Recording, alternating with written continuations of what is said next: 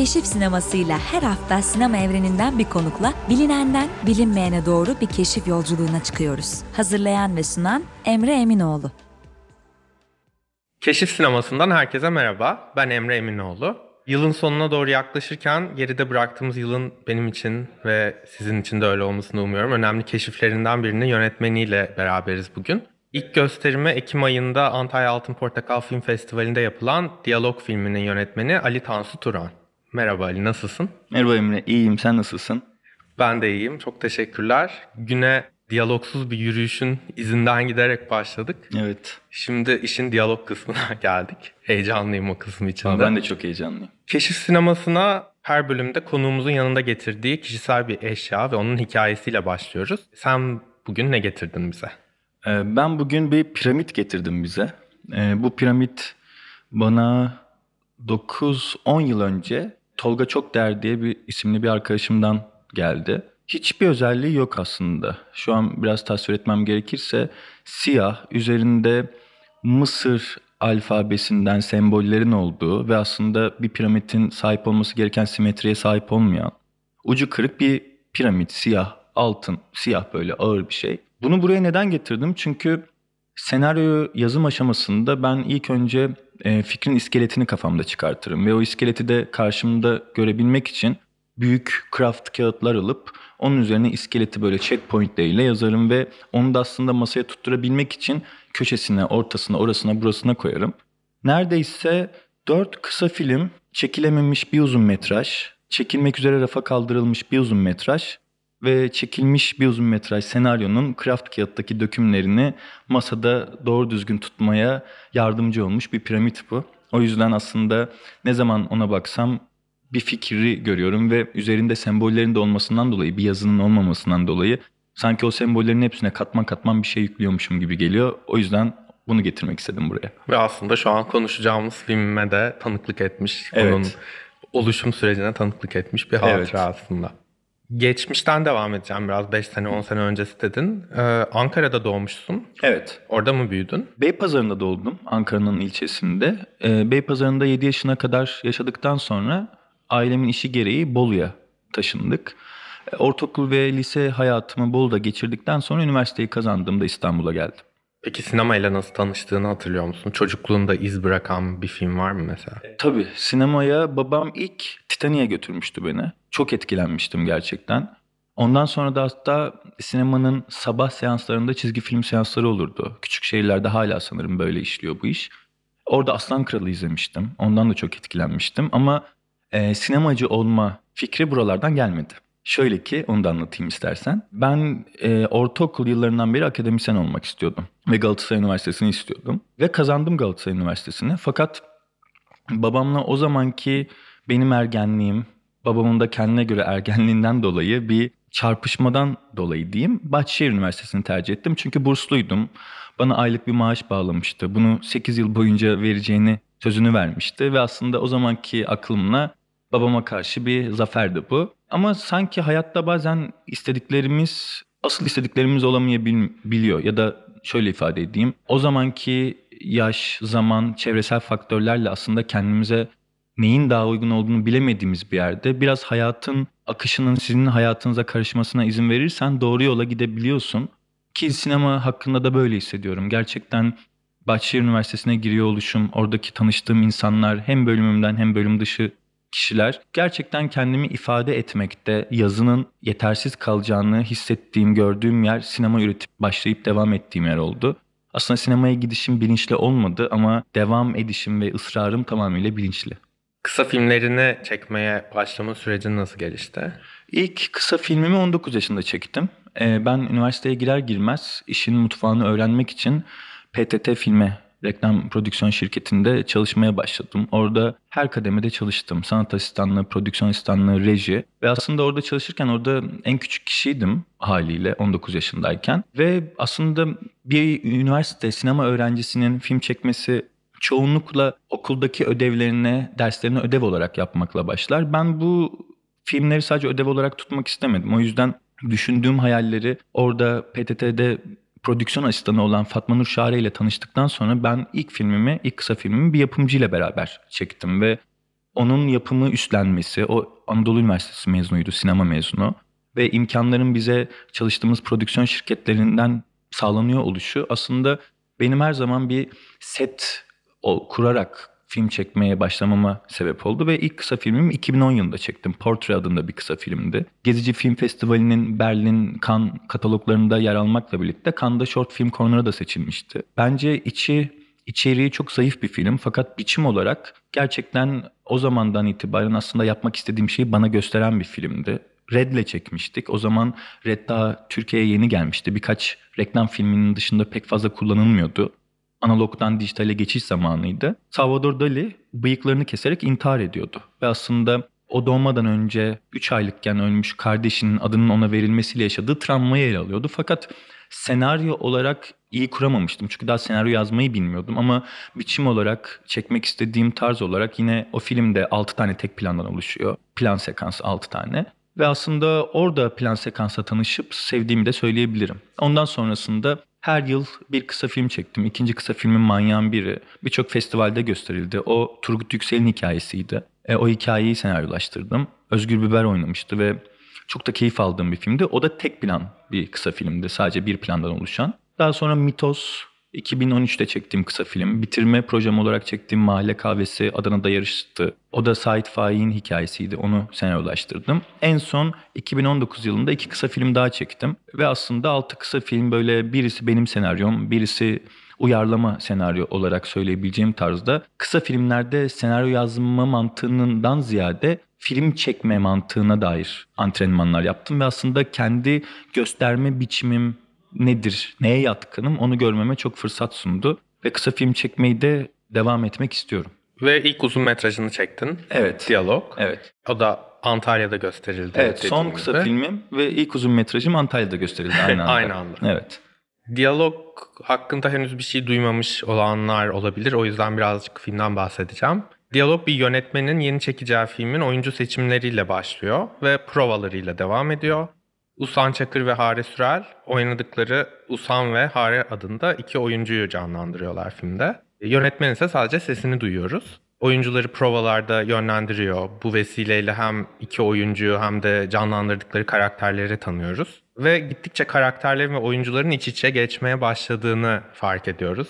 İkisi arasında bir yakınlaşma olmaya başlıyor hatta. Açıkçası ben Antalya'da filmin tanıtım metnini okuduğumda böyle tek mekanda geçen, böyle dökü drama tarzında bir film bekliyordum. Yani ne bileyim gerçekten çekmek istediğim filmin bir yandan belgeselini çekmişsin gibi bir düşüncem oluşmuştu. Ve yani yalan söylemeyeceğim. Düşündüğüm, düşüncemdeki film çok iyi bir film değildi. Ama o düşük beklentinin de etkisiyle Antalya'da en sevdiğim filmlerden biri oldu diyalog. Daha ilk sahnelerinde böyle sandalyemde dikilip "Ee, bir dakika başka bir şey hiç böyle hayal etmemiştim diye böyle ilgiyle izlemeye başladım. Ve yalnız değildim düşüncelerimde hani Antalya'da benimle olan arkadaşlarımla konuştuğum zaman onu fark ettim. Çok teşekkür ediyorum o yüzden bu film için. Öncelikle şeyi sorarak başlayayım. Hare ve Usan en başından beri projenin içindeler miydi? Yoksa benzer bir oyuncu seçimi sürecini onlarla yaşadın mı?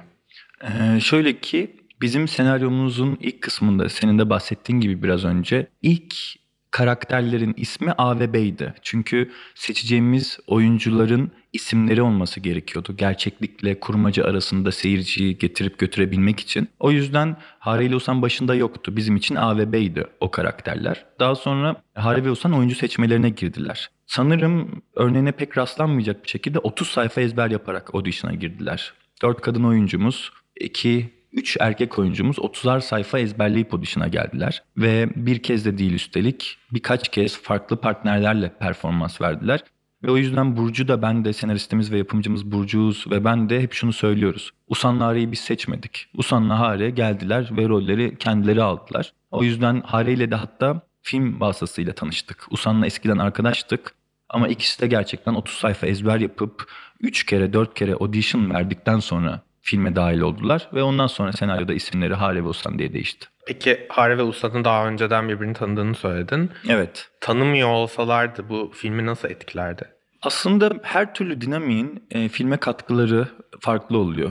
Biz Hare ile konuşmaya başlayıp onu audition'a çağırdığımızda Usan'la konservatuarda aynı sınıfta sınıf arkadaşlığı yaptıklarını bilmiyorduk. Bu tabii ki aslında şu yönden etkili oldu.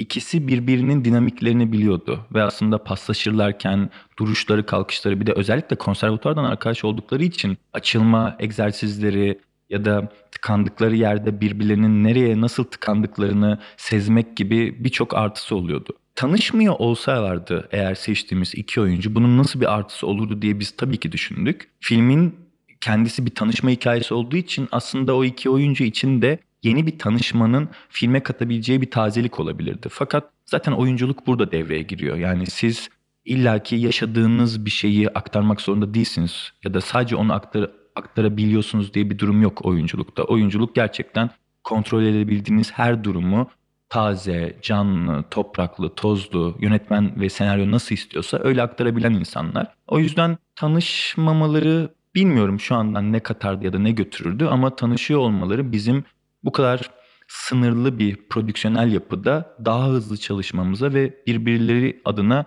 bu tempoda kendilerini yalnız hissetmemesine sebep oldu diyebilirim. Peki filme birçok kişi de böyle yapacaktır. Benim kafamda üçe ayrılıyor film. Üç parçaya ayrılıyor. O ilk parçada yönetmenin o iki oyuncuyla olan diyaloğu üstünden hı hı. onlara canlandıracakları karakterleri yönetmenin anlatmasını biraz izliyoruz aslında. Sen Hare ve Usan'la benzer diyaloglar yaşadın mı? Benzer diyaloglar da yaşadık, farklı diyaloglar da yaşadık. Aslında e, dediğin gibi filmin giriş sahnesi, audition sahnesi, ekranın üçe bölünerek başladığı sahne aslında akıllı bir oyuncu için, senaryo okumayı bilen bir oyuncu için o sahne bir karakter analizi. Çünkü orada kişisel sorular yöneltiyor yönetmen oyunculara ve oyuncuların verdiği cevaplar aslında sizin bir projeye başlarken bir oyuncuya karakter analizi olarak verdiğiniz bir dosya. O yüzden aslında oradaki cevaplar üzerine konuştuk. Film ve senaryo bir fikre ulaşmak için aslında cevap vermiyor. Doğru soruyu sormaya çalışıyor. O yüzden oyuncular da aslında bize o cevapları anlamak üzerine doğru soruları sordular. Ve o sorular ekseninde karakteri akıl dünyasını, zihin dünyasını oluşturmak için bu konuşmaları yaptık. Fakat daha da önemlisi aslında kendileri gibi olmayan karakterleri canlandırırken evet zihin olarak tercihleri olarak o karakterleri anladılar. Fakat bizim aklımızda duruşları da vardı.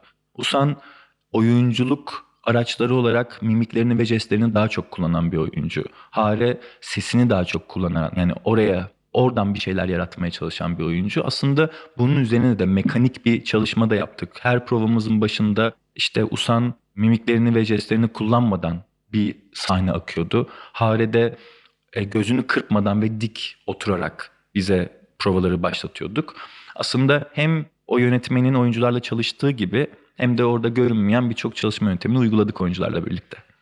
Bence oyuncu seçimi filmin en iyi yanlarından biriydi. Yani tabii ki seçmediğiniz oyuncuları bilmiyorum ama seçtikleriniz çok iyi oturmuştu filme. Ya aslında e, audition'a giren her oyuncunun 30 sayfa ezberleyerek gelmesi zaten bir özeni, değer verişi gösteriyor. O yüzden hepsine çok teşekkür ederim buradan. Ve aslında o üreticiye de bir güç veriyor. Özellikle siz ilk filminizi üretiyorsanız ve audition'a gelen oyuncular kariyerlerinin bayağı ilerlemiş bir kısmındayken size bu zamanı ve özeni ayırıyorsa o size iyi hissettiriyor. Senaryonuzun güçlü olduğunu size tekrardan hatırlatıyor. O yüzden tekrar teşekkür ederim onlara. Diyalog bana yıllar önce böyle IF'te izlediğim bir filmi hatırlattı. Bilmiyorum hiç duydun mu ya da izledin mi? Avusturya yapımı bir filmde. İngilizcesi The Dreamed Ones İzlemedim. diye bir filmde. Böyle o da kurmaca ve belgeseli böyle çok yaklaştırıyor birbirine. İki seslendirme sanatçısı var. 20. yüzyılda mektuplaşmış ve mektuplar aracılığıyla birbirlerine aşık olmuş iki şairin mektuplarını seslendiriyorlar, kayda alıyorlar. Hı hı. Ve bu mektupları okurken o iki şair arasında işte tartışmalar çıkmış, yanlış anlaşılmalar olmuş, kavga etmişler resmen mektuplarla. Ve işte erkek şairin mektuplarını seslendiren adamla kadın şairin mektuplarını seslendiren kadın bir anda taraf tutmaya başlıyorlar. Bunu demek istemiş, yanlış anlamış diye falan diye. Ve ikisi arasındaki ilişki bir anda onların ilişkisinin günümüze bir yansıması gibi oluyor. Filmden çıkar çıkmaz bunu düşündüm ve böyle etrafımdaki kimse bu filmi izlemediği için herkes merak etti ya ilginçmiş e, evet. e, merak ettim diye. Bu, ben, benim kafamda çok yakınlaştı ikisi yani. İzlemeni öneririm. İzleyeceğim. Ona da. Diyaloğu izleyen herkesin aklında muhtemelen filmin o ortasındaki tek plan sahne kalacaktır. Benim öyle oldu. Kadıköy'de Belfast'tan çıkıyorlar. Orada bir sohbetle başlıyor önce 10 dakikalık. Oradan çıkıp havuzun oraya doğru yürüyüp oradan Yoğurtçu Parkı istikametinde sokakta yürüdükleri bir 32 dakikalık plan sekans var. Ve çok ironik bir şekilde diyalogsuz bir sahne olması beni çok etkiliyor bunun. Adı diyalog olan bir filmde. Filmi izledikten birkaç gün sonra Bantmag'in bir tweetinde bu plan sekansın 32 dakika sürdüğünü orada okumuştum. Ee, ve o tweet'i paylaşıp şöyle demiştim. Açtım burada okuyacağım şimdi. Oğuzhan'la 20 dakikadır hatta belki daha kısadır da öyle hissetmişizdir demiştik o plan sekans için. 32 dakikaymış. Gerçekten bir meydan okuma ama öyle karşılık bulan bir meydan okuma ki 5 dakika gibi geçiyor. Gerçekten benim için 5 dakika gibi geçmişti. Ve sen de bu tweetime cevap vermiştin. Hepimizin o gecesi öyle değil mi diye. Muhteşem bir cevap. Benim için o sahneyi daha da büyüten bir cevap olmuştu aramızdaki bu diyalog. Buradan benzer bir gecenin yaşandığını anlıyorum. Ama yaşanmışlığını yaşanmamışlığını geçeceğim. Bu sahnenin senaryoya girmesi, kafanda oluşması, bunu tek plan çekmeye karar vermen, bunun kafandaki yolculuğunu soracağım. Ee, biz bu arada cevap vermeden önce söylediğin her şey çok da duygulandırıyor beni. Çünkü aslında üretimi gerçekleştirirken bildiğimiz bir şeyi aktarmaktansa hem keşfedebileceğimiz hem de paylaşabileceğimiz bir üretim yapmaya çalıştık diyalog filmi özelinde ve senaryoyu Burcu Uğuz'la beraber başlayıp Fahri Güllüoğlu'nun bize eklenmesiyle beraber üç kişi yazdık. Ve yazarken aslında dikkat ettiğimiz iki ana unsur vardı. Birincisi ilişkiler. Hem ilişkilerin duygusal yanı hem de mekanik yanı. Diğeri ise diyaloğun kurulma metodları ve farklılıkları. Ve bu noktada aslında ilişkilerin üzerinden çıktığımızda gerçeklik kurmaca algısında gitgeller ilişkiyi baz aldığımız yerden filme kendini biçim olarak ekledi. Diyaloğun gelişme tarzları ve farklılıkları da filmi aslında tam bu söylediğin gibi daha farklı nasıl diyalog kurabiliriz? Çünkü dil çok aşılmış ve sınırları olan bir iletişim aracı. Ortaklaştığımız kelimeler bile aslında kaybolmuş halde ve ikimiz de aynı şeyi söylemek isterken farklı kelimeleri kullandığımızda bile farklı anlaşılmalara sebep olabiliyor. O yüzden sessizliğin bir iletişim aracı olduğunu hatırladığımız bir noktada filme olabildiğince sessiz diyaloglar eklemeye çalıştık. Çünkü dilde insan manipülasyon yapabiliyor, manipüle edebiliyor dili. Fakat sessizliği manipüle edemiyoruz. Sessizlik göz göze bakışmaktan, yan yana dururken ki o tedirgin hal ya da özgüvenli halden kendisini çok çıplak bir şekilde ifade eden bir yerde. O yüzden filmde hem ilişkilerin gerçeklik kurmaca hallerini olabildiğince içerik biçim uyumuyla aktarmaya çalıştık hem de diyaloğun bu farklı kurulma hallerini de filme entegre etmeye çalıştık. Baştan itibaren senaryoyu yazdığımız yerde senin de dediğin gibi 32 dakikalık plan bizim için bel kemiği diye adlandırıyorduk. Çünkü hem gerçeklik yani o belgesel vari izlencenin kurmacaya bağlanacağı yerde çok ara bir nokta, bir limboda diyebiliriz hem de diyalog o zamana kadar fazlaca konuşarak gelişmiş o diyaloğun, tanışmanın artık sessizlikle beraber ne kadar gerçek, ne kadar samimi olduğunu iki karakterin de anlayacağı alanı yaratmak istediğimiz bir yerde. Senaryonun başından itibaren tek plandı ve birçok kişi şeyi de soruyor. Ülkedeki en uzun plan olsun diye mi 32 dakikalık bir plan çektiniz diye. E, buna çok net bir cevabımız var aslında. Benim de kendi cevabım var. Ben hep bir hikaye anlatıcısı olarak, üretimlerimde kendimi elçi olarak görürüm. Bence fikrin ve duygunun mülkiyeti olamaz ve ben bir hikaye anlatıcısı olarak anlatmak istediğim fikri ve duyguyu ya da içinde sıkıştığım mutluluğu ve mutsuzluğu benle aynı yerlerde gezen, benzer yerlerde gezen insanlara onları iletmekle kendimi vesile olmakla gördüğüm bir yer vardır ve o sahnede biz senin de dediğin gibi o gecesi herkesin var mıdır sorusuna biliyorsun ki kurgu sinemada hep seyirciyle film arasında bir kesinti yaşatır. Sürekli seyirciye bir film izlediğini tekrardan hatırlatır her bir kesme. Olabildiğince o sahnede biz insanların o sahneyi izleyip izleyip izleyip devam ettiğinde kendi gecesine gitmesini istedik ve orada bir şahitlik hissi, dışa dönük bir şahitlikten içe dönük bir şahitliğe geçmesini istedik ve o yüzden aslında orası olmazsa olmaz tek şey oranın kesme olmamasıydı ve oyunculara da kamera operatörüne de bütün teknik ekibe de söylediğim şeyi hatırlıyorum. Yani netlik kaçabilir umursama oyun iyiyse sesi alamayabilirsin umursama buradaki tek şey bu bardan çıkıp o eve gidene kadar bu oyuncularla beraber o yolu yürümek ve onlara tanıklık etmek ki sanırım plan da istediğimiz gibi oldu. Senin verdiğin yorumlar, söylediğin yorumlar gibi birçok kişiden plan üzerine yorum değil de o planın ona hatırlattığı üzerine onun hatırası, onun o gecesini dinledik ve şu an aklımızda o kadar fazla o gecelerden var ki hepsi farklı yerlerde de olabiliyor. Farklı insanlarla olduğu aşikar fakat duygusu çok eş, çok paydaş. Bu tek planlara karşı bir ilgin olduğunu anlıyorum. Çünkü kısa filmlerde Evet. de var. Bu filmde de zaten var. Bundan sonraki filmlerinde de olacak mı? Evet yani işte yönetmen imzası dedikleri bir şey var. Aslında oraya takılarak yaptığım bir şey değil. Üretimde bulunduğum sanat disiplininde tercih ettiğim bir anlatım tarzı bu ve aslında onun boyutlarını, sınırlarını keşfetmek istiyorum. Çünkü bir tek planı kamerayı hareket ettirerek de çekebilirsiniz. Kamerayı sabit tutarak da. Burada tempoyu oluşturmak için aksiyon unsuru olarak kamera sallantılı, hareketli olup omuzda ya da başka bir şekilde hareket de edebilir. Sabit kaldığınız yerde blockingi ve mizanseni kullanarak da o tempoyu yaratabilirsiniz. Ve şeyi seviyorum. Seyircinin yönlendirme olmaksızın baktığı ekranda neyi izlemeyi tercih etmesinin ona kalması ve orada boyutlandırmayı perdede o filmi boyutlandırmayı ve seyircinin inisiyatifine bırakmayı seviyorum. Ben çok e, friendly user dedikleri yerde seyirci dostu bir yönetmen olduğumu düşünüyorum. Çünkü gerçekten anlatmak istediğim şeyin ne kadar anlaşıldık anlaşılmasıyla sınırlı olduğunun farkındayım ve eksik anlaşılmaktan ya da anlatmak istediğim şeyin dışında bir yere çıkmak istemediğim bir yerden aslında seyirciye dayattığım bir şeyin olmadığı anlamı onun çıkardığı ve benim biraz önce de bahsettiğim gibi vesile olarak kaldığım bir yerde olmak istiyorum. Ve şimdi Diyalog bir üçlemenin ilk filmi. İlişki ve temas üçlemesinin ilk filmi. İkinci film Login. Nisan'ın ayında Ayvalık'ta setine gireceğiz ve orada da dört farklı tek plan var. O tek planlarda da farklı anlatım tarzları denemeyi planlıyorum. Biraz önce de bahsettiğim gibi. Blocking olsun, mizampaj olsun ya da kullandığımız kamera ekipmanından kaynaklı değişiklikler olsun. Sanırım film çekmeye devam ettikçe her çektiğim, her yaptığım üretimde bir tek plan en azından bulunacaktır. Peki tamamı tek plandan oluşan bir uzun metraj çekmeyi düşünür müsün? Yani işte dediğim gibi eğer aklıma bir hikaye gelirse ve o hikaye benden hiç kesme uygulamamamı isterse bunu seve seve yaparım. Fakat tüm film tek plan olsun diye bir hikayeyi o biçimin içerisine sıkıştırmak istemem ama gerçekten bir gün aklıma öyle bir hikaye gelirse, öyle bir duygu fikir gelirse bunu çok isterim ve buna çalışmak şu andan bile bu soruyu sorduğun andan itibaren avcım kaşınmaya başladı. Diyalog şu anda başka sinemanın tabiriyle diyeceğim ama senin tabirin sanırım o. Turnede.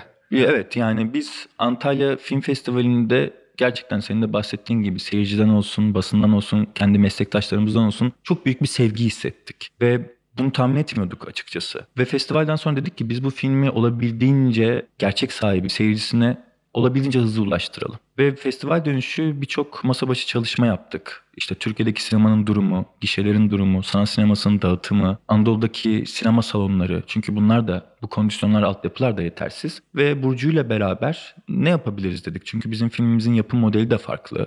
E, filmi 175 binlik bir nakit parayla gerçekleştirdik. Ve dağıtımda da dedik ki turneye çıkalım. İnsanlara onları düşündüğümüzü göstermek için onların şehirlerine gidelim. O şehirdeki üniversite öğrencileriyle toplaşıp filmi izlemeden önce yapım modelinden bahsedelim. Gerçekten seyirciyle tanışmaya, bence sanat sinemasına küsmüş bir seyirci var ülkede. Ben asla seyircinin sinemaya gitmediği için gişenin düşük olduğunu düşünmüyorum. Seyirciyi küstürdüğümüz için seyircinin sanat sinemasına gitmediğini düşünüyorum. O yüzden aslında hem filmi dağıtmak hem de seyirciyle barışmak adına böyle bir turneye çıkalım dedik. Burcu'yla bunun e, masa üstünde, kağıt üstünde çalışmasını yaptık. İşte 23 şehir ortaya çıkardık. Üniversite nüfusunun en fazla olduğu. Oralardaki sinemaları, salonları bulduk ve bütün bu çalışmamızı başka sinemaya sunduk. Başka sinemada tabii ki yani bu ülkede inanılmaz önemli bir iş yapıyor 10 yılı aşkın süredir. Gerçekten eğer başka sinema olmasaydı onun yerine birisi çıkar ve bu işi yapar mıydı ondan da emin değilim. Biraz amme hizmeti yapıyorlar aslında bu gişelerin durumu böyle oldukça. Onları sunduk. Onlar da şunu ifade ettiler. Aslında yani biz bunu yaparız, bu dağıtıma da yer alırız. Zaten bu dağıtımdaki en önemli faktör sizin ve ekibinizin bu özveri ve çabayı her hafta boyunca yapıyor oluşu. Eğer siz buna tamam diyorsanız biz de bu yolda seve seve sizde yürürüz ve eğer bu bir sonuç verirse bunu başka filmlere de uygulayabiliriz dediği bir nokta var. Ve bu kapsamda her hafta bir şehire gidiyoruz. Film sadece o şehirde bir hafta kalıyor. O şehire gittiğimiz cuma cumartesi günleri dört ekipli gösterimle soru cevaplar yapıyoruz. Öğlenlerinde oradaki üniversitelerle, sanat kolektifleriyle söyleşi yapıyoruz. Ve o hafta o film o şehirde kalıyor. Bir hafta bittikten sonra başka bir şehire gidiyor. 3 Aralık'ta başladık bu turneye. İlk ayağımız Ankara'ydı. Ankara'da 4 üniversite, 1 lise ve bir sanat kolektifiyle söyleşiler gerçekleştirdik. 4 ekip katılımlı gösterim gerçekleştirdik. Ve yani gerçekten öngördüğümüz gibi seyircinin sinemaya küstüğü, umursanmadığını düşündüğü, değersiz hissettiği bir yerde olduğunu, bu hareketin gerçekten onları canlandırdığını da gördük. Şimdi yarın Antalya'ya gideceğiz. Antalya'da bir hafta boyunca filmimiz kalacak.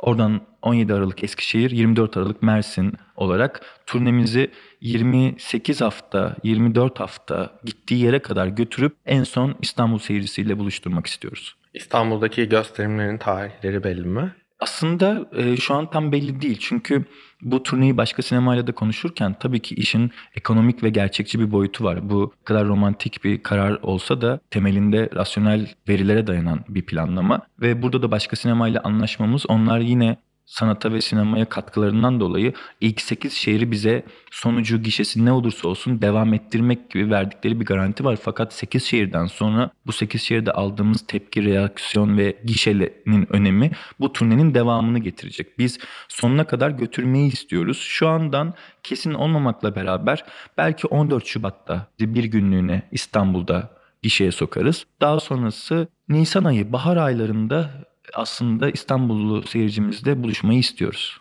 Yani diğer şehirlerdeki seyircinin de tepkilerinin çok iyi olduğunu söylüyorsun. Ama İstanbul'da bir de o mekansal bağı da kurabilecek olmanın getireceği bir şey olacağını düşünüyorum ben. Çünkü tamam o öyle bir yürüyüş, öyle bir gece herkesin hayatında olabilir ama tam olarak o rotada öyle bir yürüyüşü gerçekleştirmiş olanlar için çok daha özel olacaktır. Yani ben bir Kadıköylü olarak bu filmi izleseydim, ben çekmemiş olsaydım gerçekten çok duygulanırdım. Çünkü o sokaklar, o yollar dediğin gibi hafızamızda e, kişiden de bağımsız olarak yer etmiş bir yerde duruyor. Bu İstanbul'a son gelişimizin aslında şöyle bir sebebi var. Büyük şehirlerde hayat temposundan dolayı çok büyük bir kayıtsızlık var sinemaya karşı. Çünkü sinema aslında şu an fiyat bilet fiyatlarına baktığımız zaman en ucuz sosyal aktivite. Buna rağmen hayatın temposu, trafiği ve aslında sosyal aktivite seçeneklerinin çok fazla oluşumundan dolayı tabii ki pandeminin de bunda çok büyük etkisi var.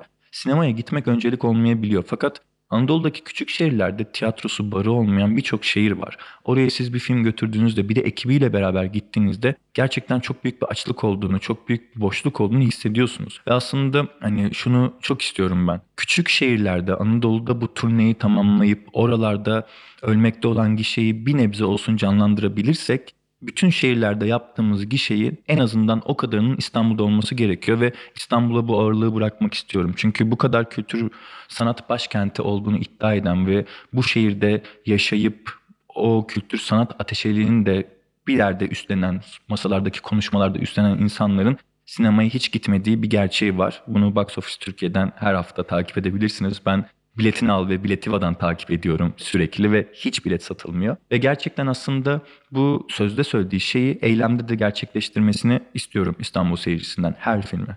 İstanbul'daki gişeden de beklediğinizi almanızı umuyorum o zaman. Ve İstanbul'daki dinleyicilerimizin de filmi merakla beklediğini tahmin ediyorum. Keşif sinemasının ikinci yarısında konuğumuzla beraber belirlediğimiz bir yönetmen ya da bir film üzerine konuşuyoruz. Ben Nordik sinemayı zaten aşırı severim. Şansıma konuklarım da çok seviyor. Hep böyle denk geliyor. Yine bir Nordik yönetmenden konuşacağız. Ali Eskilvogt'u seçti. Aslında Eskilvogt'u Joachim Trier'in filmlerinin senaristi olarak tanıyoruz. Beni farklı mecralardan takip edenler bilir. Oslo üçlemesinin de işte Louder Than da büyük bir hayranıyımdır. Ee, hatta bu yılda benim için şimdilik yılın en iyi filmi The Worst Person in the World. Büyük ihtimalle öyle kalacak. 3 hafta kaldı. Evet, evet. Belki Matrix. o filmin böyle kişisel olarak vurduğu ve yaraladığı çok yer vardı. Ya düşündükçe ağlayasım geliyor filme. O ayrı ama objektif olarak bakıldığında da senaryo harikası bir film bence. Her zamanki gibi. Çünkü bu ikili bir araya geldiğinde çok iyi senaryolar çıkıyor ortaya. Ama bunun dışında Eskil Vogt 2014 yılında ilk kez kendi senaryosunu yönettiği bir filmi var. Blind filmin adı. Hatta şimdi henüz izleyemediğimiz yeni bir filmi daha varmış. Daha erişemedik hiçbir şekilde. 2021 yapımı. The Innocence İngilizcesi. Ushilde galiba okunuyor Norveççesi. Ee, onu da çok merak ediyorum. Avrupa Film Ödülleri'nde hatta bir evet. iki adaylık falan var galiba. Sen Blind'ı ne zaman izledin ve neden bugün Eskilvog'dan konuşmayı seçtin? Eskilvog'la tanışmamı anlatayım aslında. Benim 4 yıl boyunca üzerine çalıştığım 78 draft yazıp gerçekleştiremediğim bir uzun metraj senaryom vardı. 2014 2013 yılında çalışmaya başladım ve ismi gözden uzaktı o zamanlar Oslo'yu izlemiştim ve aslında çok aynı bir derdi vardı. Kenara atılmış, yaşamak için değerli olmadığını hisseden bir karakteri anlatıyordu. Ve aslında Oslo'yu izledikten sonra e, anlatmak istediğim şeyi bir film ve bir hikaye anlatıcısı anlatmış. Bunu üzerine bir şey katamıyorsam anlatmaya gerek var mı diye düşündüğüm bir nokta vardı. Daha sonra Oslo'dan sonra ben ilk filmlerini izledim Reprise'ı. Reprise aslında onların birazcık otobiyografisi gibi.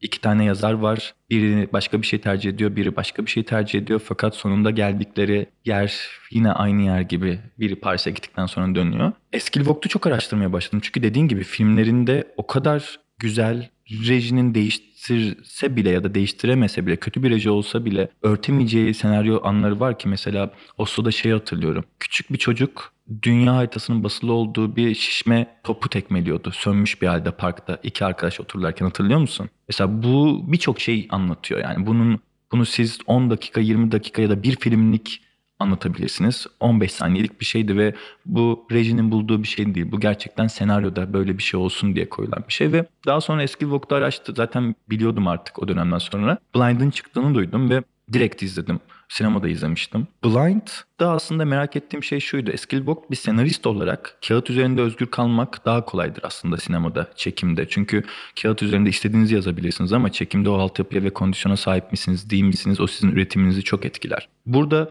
Eskilbok yazdığıyla çektiğini ne kadar aslında bütünleştirmişi merak ettiğim bir yerden filmi de çok merak ediyordum. Orada tabii başka bir deha gördüm. Yani her zaman bir senaristi ve yönetmeni farklı projelerde aslında yönetmen senaryoya uymaya çalışır ve uyabildiği yerde uyar güzel bir şey çıkar. Uyamadığı yerde doğru karar aldıysa, güzel yanlış karar aldıysa kötü bir şey çıkar. Eski Vogue tabii ki inanılmaz bir yazar olduğu için yazdığı şey o kadar baskın ve o kadar aslında çekimi de oryante etmiş ki gerçekten senaryosunu okusam da izlesem de aynı şeyi almayı alacağımı hissettiğim bir filmdi Blind. Blind'dan biraz bahsedeyim Tabii. ben izlememiş olanlar olabilir. Ee, Blind'ın baş karakteri Ingrid bir kaza geçiriyor ve görme duyusunu kaybediyor. Hatta buz sarkıtı mı düşüyordu kafasına öyle bir şey oluyordu. Ondan sonra Evet. görme duyusunu kaybediyordu. Tam da eşiyle birlikte yeni bir apartmana taşınmış. İşte çocuk yapsak mı yapmasak mı bunun kararını verme sürecindeler. Görmemeye başlayınca körlüğe alışmaya başlama sürecinde eee, sürekli eskiden görebildiği şeyleri hatırlamaya çalışıyor. Ve bunun için de kafasında hikayeler uydurmaya çalışıyor. O mekanları, o insanları, o cisimleri kullanarak. Ve söylediği şeylerden biri filmin açılış sahnesinde diyor ki cisimleri, nesneleri ve detayları, küçük şeyleri hatırlamak çok kolay. Ama mekanları ve daha büyük şeyleri, sadece bir parçasını gördüğün o anlarda şeyleri hatırlamak o kadar kolay olmuyor. Ona alışmakta zorlanıyorum diyor. O baştaki senaryonun iyiliğinden kaynaklanan yine uzun bir sahne var bize her şeyi anlatan. Orada bir yol haritası çiziyor aslında Eskilo. İşte izleyeceğiniz şey buralardan çıkıyor şeklinde. Ve kurmaca ve gerçek bir şekilde iç içe geçmeye başlıyor. Çünkü hatırladığı şeyleri kurmaca bir hikayeye dönüştürürken bir anda o gerçek ve kurmaca iç içe geçiyor. Ve o Nordik sinemaya özgü bir mizah vardır. O mizah çok ön plana çıkmaya başlıyor bir yerden sonra. Senin görsel hafızan nasıldır mesela? Cisimleri ya da mekanları canlandırmak konusunda katılıyor musun o açılış sahnesine? Ee, benim görsel hafızam iyidir, isim hafızam da iyidir. Ee, ama doktorlar B12 vitamin eksikliğim olduğunu söylüyor. Hatta takviye aldığımda Osman e, arkadaşım şey dedi hani bunu da aldığında neleri hatırlayacaksın korkuyorum dedi. Ee, kesinlikle Eskili Vogue'da katılıyorum ve o sahne benim için yeterli. Hatta e, Vogt inanılmaz bir sinemacı. Gerçekten bir yönetmen ya da senarist olma iddiasını gütmeden sinemanın anlatımının ne kadar çeşitlenebileceğine bence çok fazla kafa yoran birisi. Hatırlarsın filmde bir kafe sahnesi vardı. Ee, kafeden çıkış ve toplu taşımaya binişle beraber hafızanın birbirine girdiği ve kurguyla bir kafedeyiz. Her katta mekan değişiyordu. Fakat siz ben bunu izlerken fark edememiştim. En son bir katında artık otobüsün kapısında kaldığı, metronun kapısında kaldığı bir yere kesiyordu. Orada fark etmiştim ve gerçekten diyalogda da mekan hafıza ilişkisine dair irdelediğimiz bir yer var ve e, Varlık Dergisi'yle bir röportaj gerçekleştirdik bu konsept üzerinde. Hafıza aslında duygu ve güdülerin temelinde kendisini var eden bir şeyken mekanın çok belirleyici yani görsel hafızanın çok belirleyici bir yeri oluyor. Hafızanın o koruna ulaşabilmekte.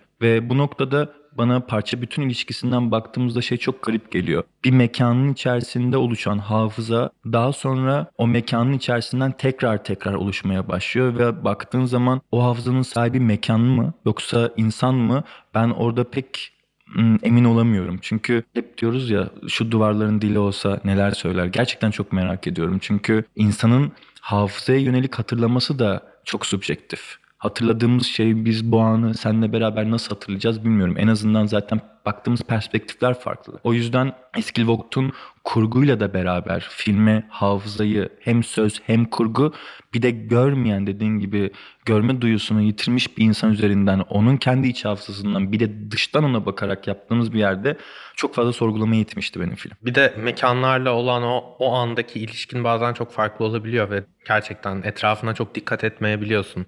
Mesela bugün seninle diyalogdaki o rotada yürüdüğümüzde bana aynı şeyi söyledin aslında. Hani bu Kadıköy'de yaşıyorum, bu yoldan sürekli yürüyorum ama filmi çektiğimizden beri ilk defa filmle bu kadar iç içe filmi düşünerek yürüdüm bu yolu. O Evet. yüzden farklı hissettirdi. Aslında aynı mekan ve hafıza Evet. ilişkisi. Bir de Blind'ı ben yani izleyeli bayağı oluyor. Ben de İstanbul Film Festivali'nde izlemiştim 2015'te galiba. Öyle. Altın Lale almıştım Evet. hatta. Şimdi yeniden izleyince bu mekan hafıza ilişkisi üstünden aklıma The Father'ı getirdi mesela geçen seneki. Orada da İzleyemedim daha. orada demanslı bir adam onun hafızasının derinliklerine iniyorsun ve orada da onun hatırladığı şeyler değiştikçe, onun beyninin içinde dönen şeyler değiştikçe mekanın da değiştiğini bir şekilde görüyorsun. O yüzden zaten prodüksiyon tasarımı olarak bayağı iyi bir film. Ya hafızada bu diyalogda da geçtiği ve sürekli karşılaştığımız ins- insanlarla konuştuğumuz için şöyle bir şey fark ettim. Ee, yaşadığımız yüzyılda o kadar var olma ihtiyacımız, o kadar biricik olma ihtiyacımız var ki hafızayı hep aslında bizi onaylayan yerden hatırlıyoruz. Mesela şeyi düşünmeye başladım. 100 yıl öncesinde, 150 yıl öncesinde hafıza bir insanın kendi fikri ya da duygusuna referans olarak başvurduğu bir hatırlama metodu muydu? Yani şu anki olduğu gibi. Çünkü hafızaya gidişimiz hep bir şeyi kanıtlamak, bir şeyi onaylamak için oluyor. Yani en son kendimin de şey düşündüm. Ne zaman en son sevdiğim bir anı sadece hatırlamak için hafızamın derinliklerine gittim. Çünkü zaten bu yolculuk ve üretim sürecindeyken de hep birilerini bir şeye ikna etmek ya da bir şey söylemek için aslında o hafızaya gidiş hep karşı tarafı ikna etmek için masaya bir silah bırakmak gibi. Ve düşündüm en son ne zaman sadece güzel olduğu için bir şeyi hatırlamaya çalıştım diye cevap bulamadım. Ve filmde de bahsettiğimiz gibi yani kavramları tekrar düşünmemiz gereken bir noktadayız. Çünkü çok önceden tanımlanmış ama hayat pratiği çok fazla değişmiş, insan perspektifi çok fazla değişmiş, pratik hayatın tool'ları çok fazla değişmiş. O yüzden hafızanın da böyle bir yerde olduğunu düşünüyorum. Yani hafıza, hatıra, iz, hata, yara bunların hepsini aynı konsepte bir yere koyabiliriz. Ama artık yani hepsinin de çok unik, bambaşka anlattığı, ifade ettiği şeyler var ve kelimeyle o kelimenin insanın pratik olarak kullanışı arasında da çok fazla uçurum olduğunu düşünüyorum. Yani burada bizim bahsettiğimiz hafızayla Eskil Vogt'un bahsettiği hafıza ve dinleyicinin belki hafıza dediğimizde aklına gelecek tanımı bambaşka olacak diye düşünüyorum. Aslında tüm bu dediklerin filmi duygusal olarak da çok ağırlaştırıyor bir yandan. Evet. Ama bir yandan da yani o ikisinin beraber yazdığı filmlerde de var. Bu filmde de var. Her yanından yaratıcılık fışkıran bir film. Ve çok komik bir film aslında. O Mizah, duygusal evet. yönüne ek olarak. Bu mizah anlayışı seni ne kadar çekiyor? Nordik sinemadaki de bu Trier'le Vogt'un işbirliklerindeki de en çok nelere güldüğünü mesela hatırlıyor musun Blind'da? Hmm, tabii yani beni yüzleştiren şeylere çok fazla gülüyordum. Ben mizahı biraz oradan tutuyorum. Çünkü komedi üzerine de çok fazla düşünme fırsatım oldu hayatımda, üretimlerimde. Yani komedi neden yapılır diye. Komedi ya birisinin düştüğü zor durum üzerinden üretiliyor ve aslında orada kişinin iyi ki benim başıma gelmedi dediği bir yerden olayı hafife almasından besleniyor. Ya da gerçekten yaratıcı bağlamları, farklı bağlamları bir araya getirerek komedi ortaya çıkıyor. Mizahsa e, tabii ki de komedi içinde barındırıyor ama mizah sanırım ciddi bir şekilde konuşamayacağımız konuları konuşulabilir hale getirmek için kullanılması çok daha efektif oluyor ve Eskil Vogt'un Blind'da yaptığı şey bence biraz benim adıma öyleydi. Yani şey hatırlıyor musun? Eşinin onu aldattığını düşünüyor ve kafasında bir şey kuruyor. Ya da o karşı apartmanda oturan ve asosyal olan, daha içe dönük olan kişiyi hayal ederken eşiyle bağladığı bir yer eşinin kafasındaki şey. Yani aslında şey çok garipti o filmde beni etkileyen şey. Aynı evi paylaşan, aynı hayat paylaşan ve zamanı birlikte harcamış iki insan birbirinin içinden geçen şeyi rahatlıkla karşı tarafa söyleyemiyor. Ve bu söyleyemişten doğan bambaşka kurmacalar, kurgular ortaya çıkıyor ve ne kadar büyük bir zaman kaybına ya da güven kaybına yol açıyor. İşte o noktalarda mizahı çok iyi kullanmıştı. Ve şey zaten başlı başına bir mizah. Kör birisi, mesela filmin bence en iyi sorularından bir tanesi. Görme duyusunu kaybetmiş birisi yeni hafızaları nasıl üretir? Nasıl depolar, nasıl saklar? Sadece ses üzerinden mi yoksa senin girişte bahsettiğin gibi sesi geçmiş hafızasından gelen mekan ve kişilerin yüzleriyle birleştirerek yeni bir üretime çıkma mı? Ve aslında mizah hafıza gerektiren bir şey. Ortak hafıza, ortak coğrafya ya da yaşanmışlık gerektiren çünkü yani şu an İngilizlerin mizahının bir kısmını anlayabiliyoruz, bir kısmını anlayamıyoruz ya da coğrafyadan coğrafyaya değişen bir şey. Ama filmde mizahın coğrafyasını insanın kendi içindeki temel güdülerine dayadığı için dediğin gibi Nordik bir film olmasına rağmen oranın kültürü bizden ne kadar farklı bunu da göz önünde bulundurursak ben birçok yerinde gülerken zorlandığımı hatırlıyorum yani. Hatta hatırlıyorum deyince şimdi aklıma şey geldi. Oslo'yu seven birisin sen de. Oslo'da bir sahne vardı. İş başvurusundan da çıktıktan sonra bir kafeye giderdi. Kafede bir kızın isteklerinden bahsederdi işte şöyle olmak istiyorum, böyle olmak istiyorum, böyle olmak istiyorum. Filmin başlangıcında da ilk hatırlıyorum diye başlardı. Hatırlıyorum o sırada ne kadar çok yağmur yağdığını, annemle babamın bizi ne kadar zorla konsere götürmeye çalıştığını. Mesela orada da hatırladığı şeyler hatırladığı şeyler mi yoksa sevmediği şeyler miydi? Hani bu aradaki o ince çizgi gerçekten kimliklerin hepsini bir kenara itebiliyor. Yani insanın çok fazla ortak çıkmazı var. Özellikle böyle bir yüzyılda yaşarken ve bu çıkmazların üzerine kurulan mizah beni her zaman çok etkiliyor. Ee, bir de bu mizahı aslında biraz işte ortamı dağıtmak için kullanıyor ya da senin hislerini yönlendirmek için kullanıyor. Bir de aynı şekilde kullandığı dış ses var. Yine senaryolarında da görülen bir şey bu. İşte önceki filmler Louder Than Bombs'ta mesela Evet. Muhteşem bir sahne O vardır. mektubun üzerinden kurulu olan Evet, yer inanılmazdı gerçekten. Genelde bir de görsel olarak da böyle bir kolaja dönüşür o sahneler. İzleyiciye karakterin geçmişini, bugününü, geleceğini işte ya da alternatif bir gerçeklikte neler olur diyor. Hep böyle o kolajımsı görsellik ve dış ses eşliğinde verdiği sahneler beni çok etkiliyor. Sen nasıl yaklaşıyorsun dış ses ya da anlatıcı olayına filmlerde? Yani dış ses, anlatıcı mesela birbirinden çok farklı iki şey aslında. E şey hatırlıyorum. Yine Nordik sinemadan Christopher Bone'un Allegro ve Reconstruction diye iki filmi var. İki filmde de dış ses var ama dış ses daha sonra filme dahil olan bir karakter oluyor. Şeyden alayım aslında bir üretici olarak anlatmak istediğin şeyi bir dış ses olarak, narratif olarak filme dahil etmek, üretime dahil etmek kolay bir yol. Çünkü gerçekten çekiminin zorluklarını da içinde barındırmadan bunu daha sonradan da filme ekleyebileceğim bir yer var. Ve aslında ilk üretiminde bulunan insanların çok fazla başvurduğu bir şey. Fakat benim için bir dış ses mesela diyalogda var. Diyalogda sadece sesten oluşan bir karakter var. Yönetmen karakteri. İkinci filmde düşünüyorum yani bu sesi nasıl kullanabilirim ya da bu sesi kullanmak istiyor muyum diye. Yani dediğim gibi içerik benden bunu isterse bunu kullanma taraftarıyım ama şeyi düşünüyorum. İki kişinin diyaloğunun yüzleri, suretleri görülmeden duyulmasıyla suretleri görülerek duyulması arasında nasıl bir fark oluşur? Çünkü çok fazla ön yargı üretmeye yatkın zihinlerimiz var yaşadığımız şehirden ve zamandan dolayı. Ve eğer suret sözün önüne geçiyorsa ve amaç sözü paylaşmak, karşı tarafa geçirmekse o zaman sureti gizlemeden sözü ön plana, sesi ön plana çıkartarak surette bir bütün halinde nasıl ifade edebiliriz? Aslında bunu düşünüyorum ve Login'in içerisinde bir tane tek plan olan sahnede aslında uygulamak istediğim bir şey var. Onu da büyük ihtimalle 8-9 ay sonra izleriz. Orada eğer hatırlarsak bu anı onun üzerine tekrar seninle konuşmayı çok isterim. Ben de çok isterim. Yani bugün hem kayıttan önce hem bu kayıt sırasında login hakkında bahsettiklerim beni bayağı hem Kişisel hafızandan.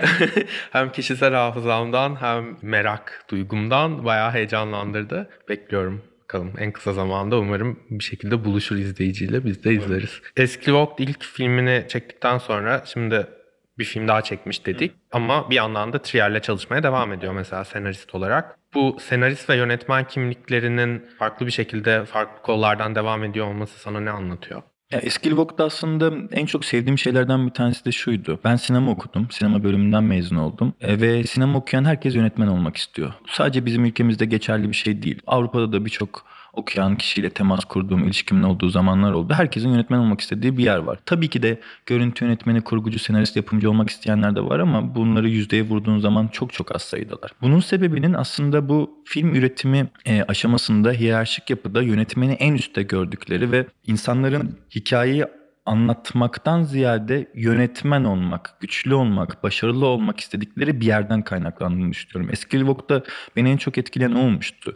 Yani bu kadar güzel senaryo yazıyorsun ve sen niye çekmiyorsun diye kendi içimde Reprise ve Oslo'yu izledikten sonra bir sorun vardı. Kendisi bir film çekti, inanılmaz bir film çekti.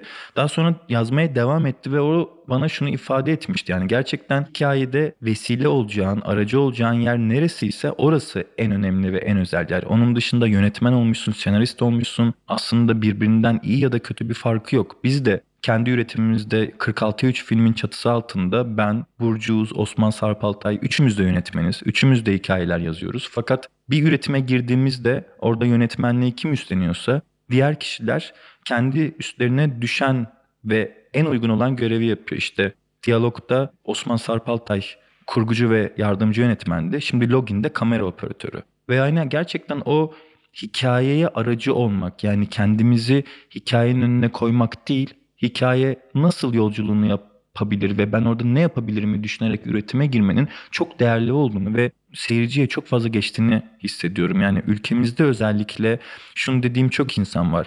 Keşke sadece senaryo yazsa ve yönetmen olmasa ya da keşke yönetmen olsa da kendi yazdıklarını değil ama başka senaristlerin hikayesini çekse. Çünkü bizde bir de tabii ki 3. Dünya ülkesinin verdiği bence bir eziklik var. Otör olma isteği. Yani yazan yöneten, yazan yöneten. Ama yani böyle değil bu iş. Böyle olmamalı. Yani bir hikayeyi, bir duyguyu, bir fikri paylaşırken oradaki title'ların önemi olmaması gerektiğini düşünüyorum. Ve Eskilvok'ta beni en çok etkileyen şey bu olmuştu. Ben zaten dediğin gibi iyi bir yönetmen olmakla iyi bir senarist olmak çok farklı şeyler. Bambaşka. Ve biri çok iyi bir yönetmen olabiliyor ama o senaryoyu kendi yazmaya ısrar ettiği noktada bir şeyler kaybetmiş oluyor. Evet. Keşke o işbirliklerini daha çok görebilsek. Kesinlikle, kesinlikle. Kapanışı konuştuğumuz filmden bir sahneyi anlatarak yapmayı seviyorum genelde. Blind için aklıma gelen sahnede şey oldu. Ingrid'in böyle evde beklediği anlardan bir tanesinde bir paranoyası oluyor sürekli. Evde biri var, eve biri girdi, evde biri beni izliyor gibi. Sadece seslerden yola çıkarak yapıyor bunu. Ve bir an şüphesi gerçek mi değil mi anlamaya da çalışarak bir yandan böyle plaklarının olduğu yere doğru ilerliyor. Oradan bir plak seçiyor. Yanda koltuk var. Koltukta bir yandan birinin oturduğunu görüyoruz biz. Eşi oturuyor Ee, ama sesini çıkarmamaya çalışıyor. Plağı çıkarmaya çalışırken yanlışlıkla plağı düşürüyor yere. Ama refleksle eşi plağı yakalıyor ve yere düşme sesini duymadığı için orada aslında biri olduğunu anlıyor ya da şüphesi çok daha güçleniyor. Koltuğa eline yavaş yavaş uzatmaya başlıyor. Burada biri mi var diye koltuğa elini koyduğu anda da koltukta biri olmadığını görüyoruz. Sonra kurgu Ingrid'in yüzüne kesiyor. Camın önünde otururken bunları tamamen hayal ettiğini fark ediyoruz. Ve orada böyle küçücük ufacık bir an bir gülümseme beliriyor suratında. Böyle bazen kendi kafamızda kurduğumuz şeyler bize çok sürüklüyor ya. Bir senaryo yazıyoruz ya da biriyle bir konuşma yapıyoruz ya da biriyle bir kavga ediyoruz kendi kafamızın içinde.